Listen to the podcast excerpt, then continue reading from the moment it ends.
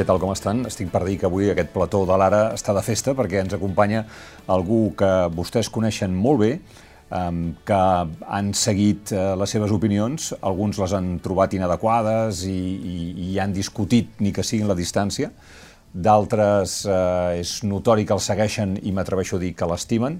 Sense més preàmbuls, podem presentar l'investigador mèdic de 42 anys, Oriol Mitjà. Doctor Mitjà, com anem? Molt bona tarda, molt bé, gràcies per Gra rebre'm. Gràcies a vostè per haver vingut. El doctor Mitjà acaba de publicar aquest llibre, El món que ens espera, que és un llibre de reflexions. Les reflexions que li han sorgit al tornar a la Melanèsia. Ha estat dos anys a Catalunya, diguéssim, estacat com a conseqüència de la Covid-19, així que va poder Uh, la pandèmia el, el, li va deixar circular pel món, va tornar a casa seva, a l'altra punta del planeta, eh, i ara ha tornat, entre altres coses, amb aquell llibre sota el braç, de reflexions després de dos anys intensos. Ell parla d'època devastadora, ara de seguida li preguntarem com és que ha fet servir un adjectiu tan, tan potent com aquest. Eh, reflexions sobre la pandèmia, sobre el món, la medicina, sobre ell mateix, sobre la vida, um, de part, ja dic, d'Oriol Mitjà, que és algú que diu que viu amb la seva parella en una cabana, amb una habitació, un bany, una cafetera i un microones i ara eh, ens acompanya. Com estem? Molt bé, sí, sí, he volgut escriure aquest llibre eh, per tenir un moment de tranquil·litat i, i fer reflexions de forma assossegada, que segurament és el que més ens ha faltat durant la crisi, en el que tots havíem de solucionar el problema urgent del dia a dia, i la nova vacuna, la nova efecte advers, la nova restricció. No? I aleshores a Papua Nova Guinea o a la Melanèsia he trobat aquests, aquests moments de quietud i eh, hem establert un debat amb, amb altres companys de feina, que són amics, són amics i a més són pensadors. I, i m'han ajudat molt a, a, a poder a entendre una mica què és el que havia passat i, i sobretot cap a on ens dirigim, què és el que hem d'esperar, uh, on hem de fer aquells petits canvis que ens permetin uh, retornar a una normalitat que necessàriament ha de ser diferent a la normalitat de la que venim. És a dir, no podem deixar passar l'oportunitat d'una crisi global per treure'n una lliçó i, i, i millorar com a societat. Aleshores, el, en primer lloc, només dir-te, el relat no és hegemònic en el sentit que, que simplement pretén obrir el debat o, o, o proposar preguntes, eh, les quals moltes no tenen resposta i les quals haurem de buscar resposta entre tots. I segon, això, que ha estat el diàleg de, de, de, de quatre companys que, que són el Gerard, la Laia, el Miquel Àngel i jo. Mm -hmm. Diu que ha estat aquesta, aquests dos anys a Catalunya a causa de la Covid una època devastadora. Devastadora en quin sentit? Devastadora en el sentit que ens hem enfrontat per primera vegada a una, a una crisi sanitària de nivell mundial i que ha tingut una afectació molt gran per al nostre país i que ha estat devastadora per a la societat en general i molt concretament per al personal sanitari, eh, tant des del punt de vista físic com emocional. Eh, I això ens planteja eh, quins canvis hem de fer, és a dir, eh, s'han pres moltes decisions eh, sobre com respondre al que era immediat, però encara no hem fet res eh, per respondre a com ens transformarem en, una societat més resilient, més, més ben preparada. Eh, per tant, reitero, és, és, quines lliçons pensem treure de tot això o pensem passar fulla com ja vam fer amb el volcà de la Palma i ara fem amb Ucrània, no? És a dir, passem la pàgina i ens oblidem de, del capítol anterior. Per això, entre altres coses, diu vostè que voler tornar a la normalitat no és desitjable. Voler tornar a aquella normalitat de la que veníem Quin problema tenia aquella normalitat? Eh, per què no hi hauríem de voler tornar? Era una normalitat que, que generava, que crec que la pandèmia ha posat de manifest que generava eh, desigualtats, eh, que deixava de banda el que eren les persones grans i que aquestes van morir molt més fàcilment durant la pandèmia, que hi havia eh, inequitats dins de la nostra ciutat que, on s'infectaven més fàcilment les persones amb menys recursos perquè havien d'utilitzar els sistemes de transport i, i, i hi havia molta més transmissió i on les vacunes no arribaven als països pobres i per tant en aquests països eh, apareixia, continuava mutant el virus i apareixien noves variants. És a dir, que com a mínim aquella normalitat eh, fallava en el sentit d'oblidar-se del més vulnerable, del més feble, és a dir, era, era la llei de la selva. Eh, triomfava aquell que mirava per si mateix, aquell que era individualista, arrogant, egoista, i, eh, ens, i s'oblidaven molt de, de l'alteritat, de reconèixer l'altre, de dignificar-lo, d'ajudar-lo, d'acompanyar-lo. O sigui, dit d'una altra manera, no és desitjable que torni a la normalitat perquè si torna, tornarem a tenir una pandèmia podríem tornar a tenir una pandèmia, o seria més fàcil que tinguéssim una pandèmia. Això també, és a dir, eh, tant des del punt de vista científic com des del punt de vista més filosòfic, eh, aquesta actitud egoista que ens llença cap al consumisme, cap a la globalització, eh, científicament també ens apropa més a, les, a la probabilitat d'incrementar el risc de pandèmies. Aleshores, la, les crisis pandèmiques van totalment lligades a les crisis climàtiques. És a dir, el canvi climàtic té dues manifestacions. Una són els fenòmens meteorològics extrems i l'altre són les pandèmies, perquè creixen molt millor els mosquits, el, el, les persones s'apropen més als animals, és a dir, els assentaments humans cada vegada estan més a prop de la selva i els animals, sobretot ratpenats i rosegadors, surten dels seus indrets i ens infecten fàcilment. Uh, per tant, si continuem per la línia en la que viatjàvem, el que ens espera és que en els propers 50 anys amb alta probabilitat ens tornarem a trobar una segona Covid-19 o, o una malaltia més perillosa. Eh, que és això que en diu vostès, el, el salt d'espècies, no? Sí. A, a, això és uh, crític, és a dir, l'ésser humà ha conviscut amb algunes infeccions des que és ésser humà i s'hi ha pogut adaptar. El problema ve quan s'infecta d'un virus, una bactèria, que no l'havia infectat mai, és a dir, que era d'un animal i li salta amb ell. Uh -huh. En el moment en què es posa en contacte, el, el, salt, el salt interespècie eh, provoca una malaltia que en diem zoonòtica, per la qual no tenim immunitat i que pot causar gran letalitat. Uh -huh. I aleshores l'únic que cal recordar aquí és la xifra que, que, que aquests salts succeeixen i venen succeint de fa molt de temps, però amb la crisi climàtica s'han multiplicat. Abans eren 4 salts interespècie anuals i ara en són 20 i s'espera que en els propers anys en siguin 40. 40 salts interespècie tots els anys. Doctor Mitjà, faci'm un spoiler. El món que ens espera és bo o dolent? Ai, uh, quina... O depèn del que fem. Exacte, sí, dependrà del que Val, fem. Doncs quines serien les preguntes correctes? Quines serien les preguntes que ens hauríem de fer, des d'aquest punt de vista, dic, les preguntes correctes, perquè el món que ens esperi fos un bon món? Uh, anem a veure, és a dir, jo crec que el món que ens espera és bo i, i ve progressant des de fa molts anys i, i ha millorat la, la longevitat, ha millorat, ha disminuït la, la mortalitat infantil, ha disminuït la mort per al part, és a dir, hem fet molts progressos en els darrers 500 anys i, i crec que el, el món continuarà progressant i l'ésser humà cada vegada viurà d'una forma més confortable, però eh, s'han de fer ajustos, eh, molts dels ajustos venen relacionats doncs, amb, amb el canvi climàtic, molts altres ajustos han de venir relacionats amb la preparació pandèmica. I la preparació pandèmica eh, consisteix en, en saber trobar aquestes infeccions i aturar-les abans que arribin a l'ésser humà. Eh, això ho fa sobretot els veterinaris, se'ls ha de donar recursos i per tant el que s'ha d'identificar és quin és el patogen més perillós, eh, on és possible que aparegui aquest patogen quines intervencions es poden fer per evitar el salt interespècie. I això se sap mm, de forma bastant clara que succeirà que el següent salt interespècie succeirà a l'Àfrica o a l'Àsia, eh, i són zones boscoses del centre d'Àfrica o, o el que era la península Indoxina, que els animals amb més probabilitat de transmetre seran els ratpenats, els rossegadors o les aus, i que hi ha la tecnologia nova com per poder fer seguiment, per buscar aquesta agulla en el paller, que és el proper virus que potencialment podria saltar. Això és una primera fase que s'ha de potenciar i s'hi han de posar diners.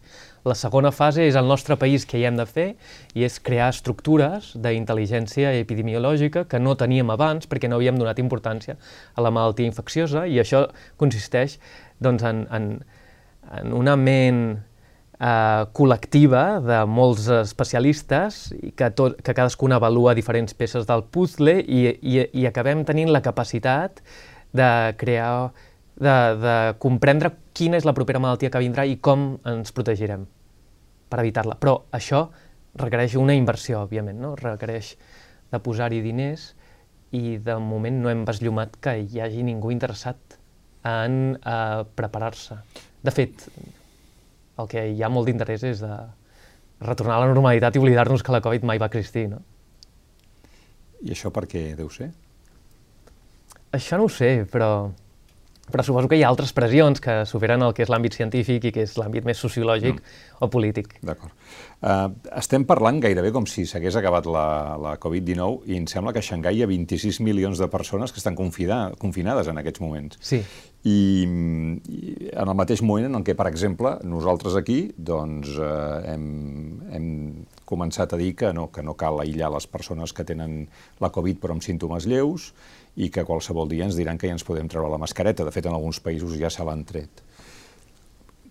Què, què pensa vostè d'aquestes mesures? És a dir, quines posaria en marxa o quines esperaria una miqueta posar en marxa? A veure, uh, o sigui, sincerament em tiro les mans al cap de veure que es retirin segons quines mesures, molt en particular, el poder fer proves o el fer els aïllaments, perquè aquest, aquest és l'ABC del control de la infecció. Sense això, no controles cap infecció. Uh, per la història del, del control d'infeccions sabem que una pandèmia no marxarà d'un dia per l'altre, que continuarem convisquent en el virus durant els propers dos o tres anys que hi ha persones que seran inaccessibles, que no s'hauran vacunat o que no s'hauran volgut vacunar i que, que faran de reservori, que apareixeran dificultats, noves variants, variants que seran resistents a les vacunes, als tractaments. I eh, també sabem que mantenir l'interès de les administracions quan el nivell de transmissió és baix és i, i molt difícil, impossible. És a dir, aquestes tres uh, aspectes uh, són recurrents en, en el control de qualsevol infecció. I, ens plan I ara ens plantem en un moment en el que estem acabant la sisena onada, uh, Ucrània ha passat per davant a, com a primera notícia, igual que després de la cinquena onada va passar el volcà de la Palma, uh, i que uh, uh, tots volem tancar els ulls i no hi ha no. pitjor sec que el que no hi vol veure eh, i, per tant, ja no volem saber res sobre eh, què és el que passarà a la Covid els propers sis mesos. Però eh, tu ja apuntaves, en el mig, curt termini, el que és d'esperar és que la Covid eh, es continuï transmetent, sobretot a països de, de l'Àsia, entre, entrat a la Xina. Serà molt difícil que ho puguin controlar la Xina en el moment en què mil milions de persones es vegin potencialment afectades per aquesta transmissió eh, acabarà apareguent una variant nova i aquesta variant ens acabarà rebotant a nosaltres, ens agafarà en un moment en què la nostra immunitat també haurà anat disminuint i tornarà a provocar una nova onada. Això és l'escenari més probable des del punt de vista de la intel·ligència epidemiològica i que tots estem volent negar ara mateix. Una setena onada. Quin, quin termini li, li, li posaria aquí entre nosaltres? Eh, a Catalunya, em Sí, això. Eh, després de la sisena onada, a la resta d'Europa hi ha hagut un petit repunt eh, mm. causat per la variant Omicron 2. I a casa nostra també està havent-hi aquest repunt, el que passa és que ara no el podrem mesurar gaire, uh, però va poquet a poquet. Això seria com uh, un petit repunt i després la següent onada, diguéssim, que serà aquella que arribi quan aparegui una nova variant i que nosaltres, a més a més, no tinguem immunitat, aquestes dues circumstàncies eh, no tinc la bola de vidre, però eh, poden, poden començar, o podria succeir a partir dels propers 4 o 6 mesos. Ja, quan arribi la tardor, quan torni a venir el fred després de l'estiu. No, no necessàriament pel, pel fred, però sí per al temps que farà que hi haurà més gent desprotegida. És a dir, molta gent ha passat l'Omicron no ha rebut una vacuna farà dos mesos, en passin sis mesos i ja no tindran tanta protecció, eh, aparegui una nova variant, les variants triguen ja. uns dos mesos en arribar i, per tant, una, la temporalitat seria de 4, 6, 8 mesos. Per tant, vostè no diria, jo he llegit en algun lloc, eh, algun especialista que deia la Covid acabarà sent com una grip, però en comptes de ser una grip estacional, que, que arriba això quan fa fred, no, la tindrem tot l'any. O sigui, apareixerà, eh, i, i es mantindrà, però no, no, no ens afectarà entre les coses perquè ens posaran una vacuna un cop l'any i ja està. Uh, sí, podríem arribar a aquest punt, uh, acabar sent com una grip que significa mm, que és la malaltia és lleu, que no sí, causa tantes morts. que no causa tantes morts, des... ni, ni, tant, ni, ni tants ingressos hospitalaris. Sí. Des del punt de vista científic, hi ha quatre maneres que acabi una pandèmia. La primera és que s'extingeixi l'espècie humana, és a dir que, i això ha passat amb altres espècies animals que s'han extingit perquè el virus era molt mortífer. La segona és que aconseguim erradicar el virus, és a dir, que nosaltres deliberadament tinguem tantes eines que el puguem aturar. La tercera és que hi hagi una immunitat de ramat, és a dir, que eh, tots fem tanta immunitat que la transmissió sigui molt baixa. I la quarta és que arribi a uns nivells d'endemicitat, i l'endemicitat és una definició arbitrària en la qual eh, sociològicament diem, d'acord, acceptem que el virus convisqui amb nosaltres i acceptem que pagar un peatge que són un, una xifra de morts. Aleshores, científicament s'ha establert aquest llindar en el mateix nombre de morts que causa la grip.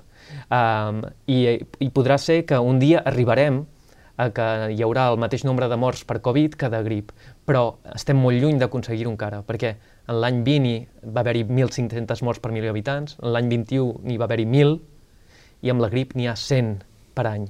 És a dir, que Hauríem de baixar 10 vegades. Sí. Clar, encara ens queda trajecte i això és una obvietat i, i no estem a prop i em sembla una cosa que és de sentit comú, em sembla molt senzill d'entendre. El que passa que entre la gent que l'ha passat i els que portem tres vacunes, sí. devem estar bastant protegits, no? Estem molt protegits i estem molt bé i cada cop hi haurà menys morts. Fins i tot li diria més que la Xina, que potser, com que els van aïllar molt, no? Sí, sí, sí, sí. sí. No, no, no hi ha hagut tanta gent que ara pugui desenvolupar una immunitat natural, no? A la Xina tenen un problema molt gran, perquè, òbviament, eh, tenen menys immunitat natural i, a més a més, la vacunació estava molt promoguda per al, per al certificat Covid, és a dir, que eren sobretot els més joves que volien entrar en locals, que es vacunaven i, per tant, el que els hi queda és una mancança de vacunació en els grups etaris més grans i, i tenen ara 50 milions de persones amb més de 80 anys mm. sense vacunar,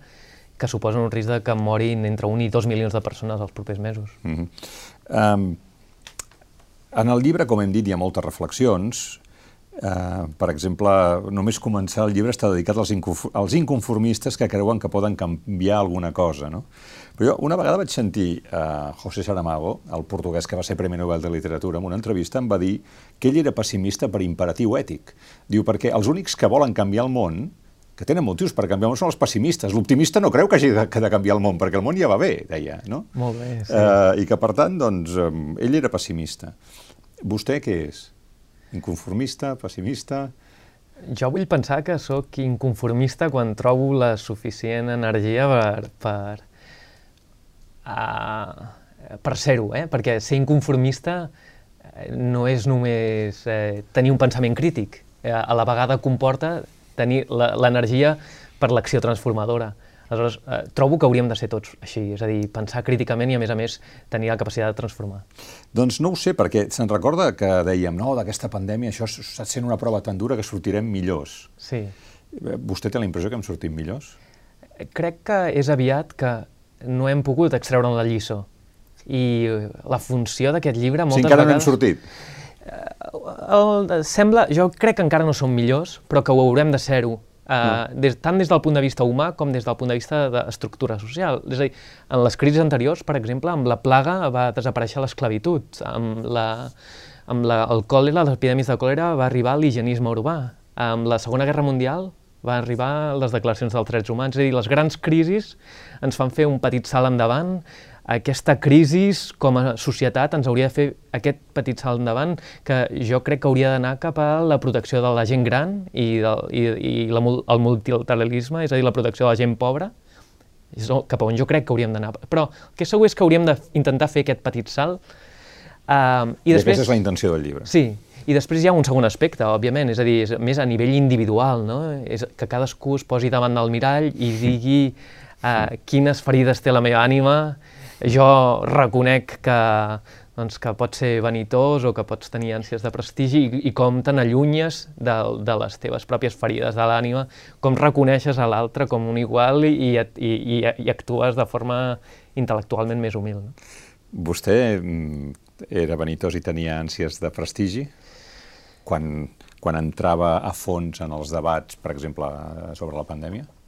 Diguem, eh, jo eh, responc amb, amb claredat, eh? però eh, crec que són dos aspectes. Un és l'aspecte de, de cap a on vas, eh, és a dir, cap on dirigeixes, eh, quin és el teu nord, i jo tenia clar que el meu nord doncs, era combatre per les malalties de la pobresa, però sí que és veritat que en aquest trajecte hi ha cants de sirena, i els cants de sirena es manifesten de formes inesperades i, i poden venir com ànsies de prestigi o ànsies de poder o ànsies de... uh, de seguretat econòmica i aleshores et fan oferiments de, doncs de, de treure't per la tele o de donar-te un sobresou. I has de tenir uh, és a dir, has de tenir les coses molt clares per saber cap on et dirigeixes. I, i sí, jo, jo en aquest cas, doncs sí, he tingut vanitat, però per altra banda ja he fet, he, he, he fet el primer pas, no? de dir, he, he estat vanidós i no n'estic orgullós i per tant me n'intento allunyar tant com puc. Ah. Uh, alguns pensaran que no ho he aconseguit. Però... No. De fet, vostè en el llibre diu jo el que tenia era disputes professionals, no personals. Sí, sí. Això, això sí que ho tinc molt clar. Si vostè discutia científicament. Sí. Uh, això sí que ho tinc molt clar. Uh, durant la pandèmia jo tenia una especialitat, una disciplina i una expertesa en el control de les malalties infeccioses, que és molt escassa en el nostre país, perquè mai ens havíem afrontat a epidèmies. I jo, eh, en els últims 15 anys, m'havia enfrontat a epidèmies de còlera, de chikungunya, de dengue, de malària, de filariasis. Per tant, se sentia per tant, em sen... empoderat, diguéssim, no? Eh, pensava que podia aportar un valor afegit. I, a més a més, eh, la meva expertesa... Eh, i jo dic, jo tinc un equip d'intel·ligència epidemiològica, els intel·ligents són els altres membres del meu equip, jo simplement sóc el que coordino el, el, els intel·ligents. Um, I amb això vull dir que uh, parlo l'idioma de la ciència, uh, sé fer-los les preguntes adequades i aquestes persones que, que tenen moltes capacitats doncs, uh, responen perquè al final conformem una resposta molt més apropiada. I això és una sistemàtica de recerca i de reacció davant de les infeccions que és moderna eh, i que és, i, i, és poc comuna aquí. I per tant, jo el que els volia dir és, escolteu, nosaltres estem funcionant d'aquesta manera, eh, podem fer una cosa molt eh, positiva, molt, molt bona per Catalunya i en canvi no, no me'n vaig en sortir per una altra cosa que comenti el llibre, és perquè la informació per si sola no és suficient. És a dir, l'especialista en salut pública pot donar molta informació sobre les vacunes i com de protectores són, eh, que al final eh, la persona, el polític, el, el ciutadà, se les creu o no se les creu, és igual.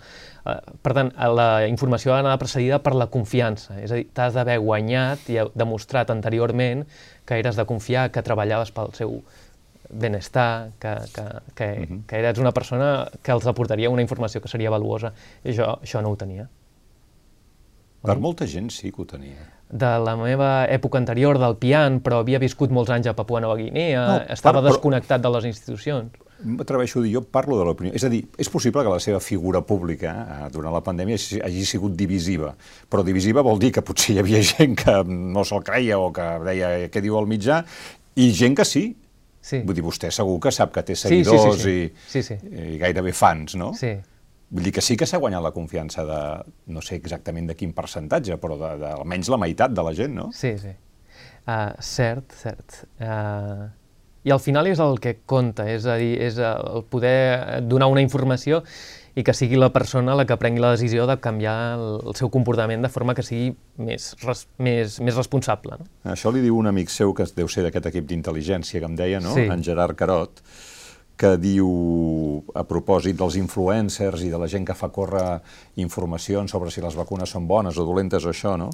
que diu que tu ja que tu ja pots dir, però com que l'altre tampoc no té dades, doncs eh, hi ha un moment en el que no, el, el diàleg és difícil. Diu, però diu, el problema de dir una cosa, de dir una cosa que no és contra la veritat científica, és que t'arriba per un WhatsApp, clar, diu, qui t'ho dona és algú que és proper a nosaltres, tot i saber que aquesta persona simplement està reenviant una informació, el nostre cervell li atorga una confiança més gran. Sí.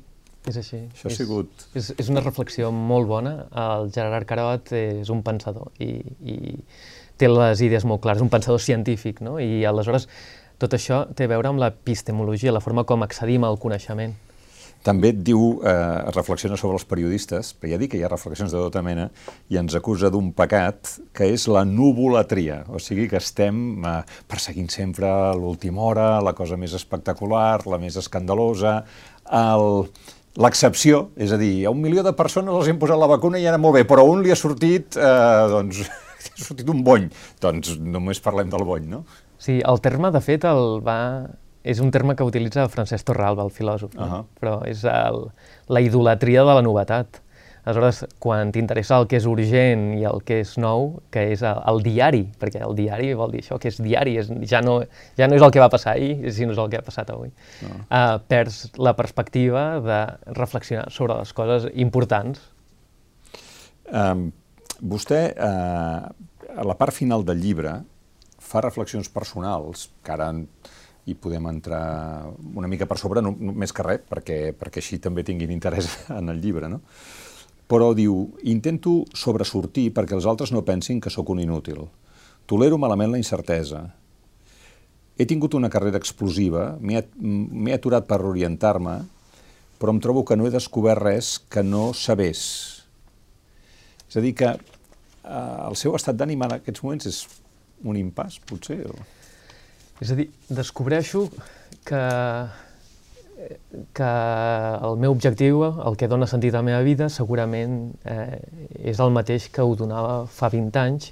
Sí que és veritat que en aquests 20 anys doncs, he, he perdut molta energia, he passat un problema de salut mental, eh, i sí, estic en un moment d'impàs ara mateix, en un moment de quietud, de replantejar-m'ho tot, d'entendre de, què és el que m'ha portat fins aquí, on, on, què és el que m'ha causat frustracions, i també buscar la meva nova normalitat, és a dir, la normalitat que he viscut potser no era la més adient, ni la que vaig viure quan tenia 20 anys, i potser he de trobar una normalitat que, en la que em trobi més còmode i que tingui una vida que doni, vull dir, que sigui plena, però que a la vegada doncs, em permeti tenir una ment en calma. Semblaria que Nova Guinea Papua és un lloc ideal, no?, per trobar sí, això.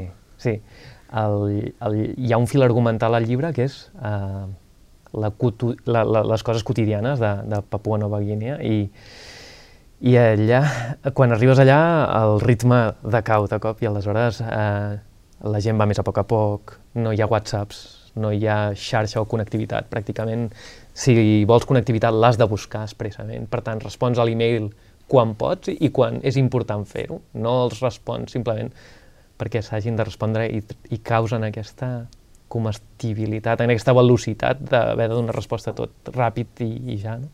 I, i, I, per tant, em sento molt més tranquil perquè m'allunyo de, de les pressions externes, de tot el que és uh, mitjans o, o, o també uh, finans, uh, finançadors o, o fins i tot caps de, del que és la meva feina diària i també m'allunyo de les meves pròpies pressions internes que és això que deies de, de la necessitat de l'autoexigència, el perfeccionisme, el, pens, el necessitar l'aprovació de l'altre, el pensar que si jo m'equivoco o dono una dada que és incorrecta mentre parlo amb tu, això serà greu o serà molt greu.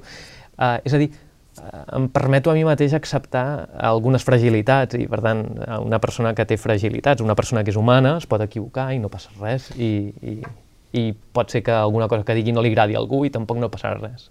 El seu nivell d'autoexigència fa, per exemple, que s'hagi preparat aquesta entrevista? Sí, sí. Aquí hi ha possibles preguntes i respostes, per exemple? Sí, eh, és a dir, és un Excel detallat de, de tot el que desglosso el llibre, des del que és més filosòfic, el que és més eh, científic, més pandèmic o el que és més reflexiu.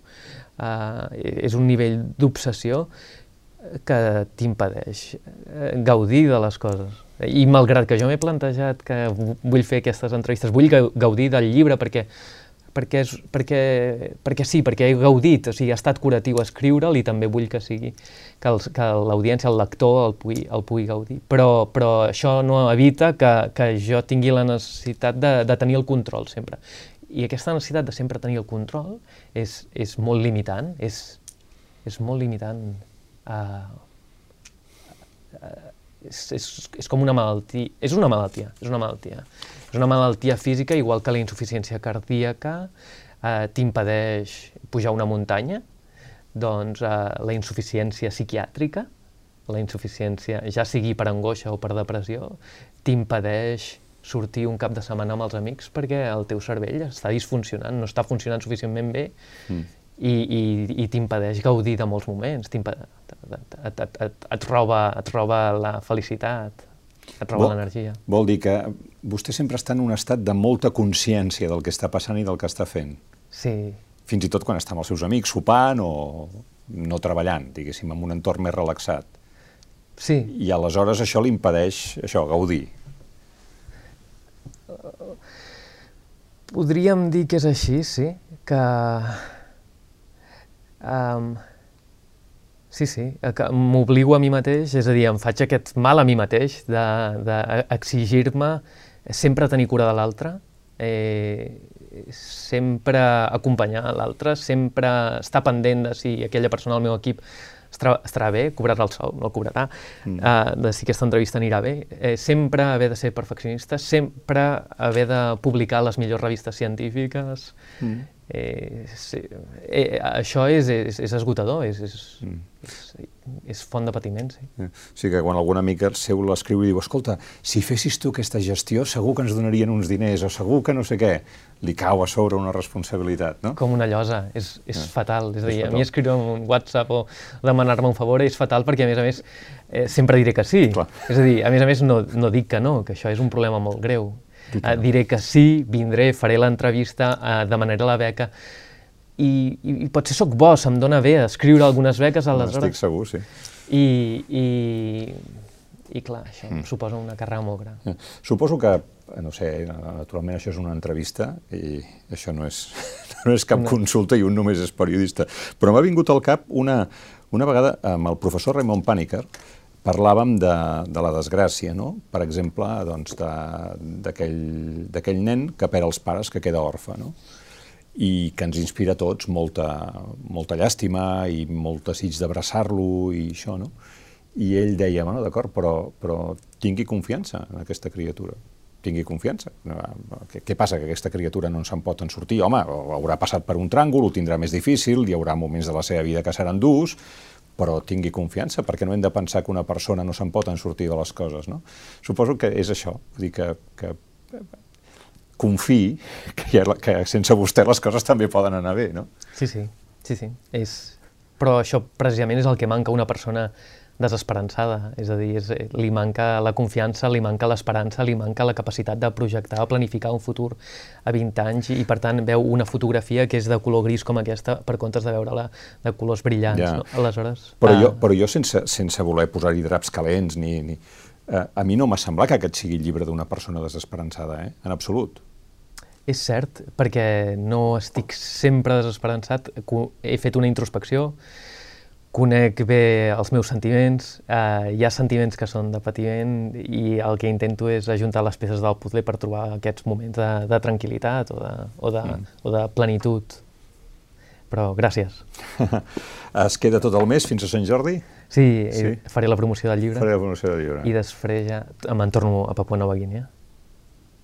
Uh -huh a on, a on tornar a agafar distància amb les coses i, i mirar de continuar curant les ferides. Les meves i les altres, sí, sí, sí. Um, sí, Papua Nova Guinea, de fet, és, uh, em dona energia, en certa manera. És, és estrany que un trobi el motor en, en, en la sí. tragèdia de l'altre, perquè veritablement... No la tragèdia, sinó és a Papua Nova Guinea hi ha tantes necessitats sí. que el fet de que tu siguis una persona útil i que els puguis ajudar Uh, això a, a, a mi m'aporta l'energia i la voluntat de, de voler, voler transformar el que és els, els populars. També és un tipus d'energia molt elaborada, perquè normalment la gent aquí el que et diu és jo quan, quan necessito energia me'n vaig a Nova York, perquè veus aquelles gentades entrant i sortint i pujant i baixant del, sí. dels edificis, no? Sí, Uh, són petites percepcions que m'agradaria també que poguéssim anar canviant no? entre tots, és a dir, que deixem una miqueta de banda tot el que són aquests, aquestes ferides que han Eh, que explico i que també explica el Francesc Torralba, que és l'individualisme, l'egocentrisme, eh, la, el cinisme, no? i que, que s'han posat de manifest en moltes ocasions a, eh, durant la pandèmia, però a la vegada eh, continuarà havent-hi persones que siguin així i el que jo espero és que hi hagi més persones de l'altre tipus, aquelles que han superat el que és l'ambició, el que han reconegut a l'altre, que seran generosos, que seran solidaris i que seran compassius. Jo crec, doctor Mitjà, que hauria de començar a estudiar filosofia. Bueno, estudiar, jo sé que ha llegit molta filosofia, perquè el llibre està ple de, de cites, que sí de Kant, que sí... Però jo crec que s'hauria de doctorar, no?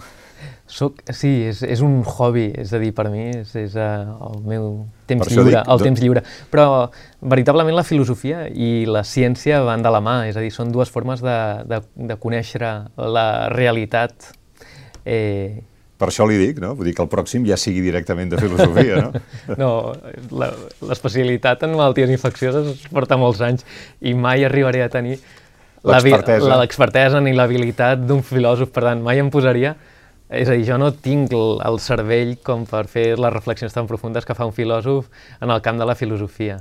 Uh, jo, vull dir, em dono per satisfet si puc fer algunes reflexions profundes en el camp de la infectologia, de la preparació pandèmica i de, i de com a societat i administracions podem fer-ho millor la propera vegada.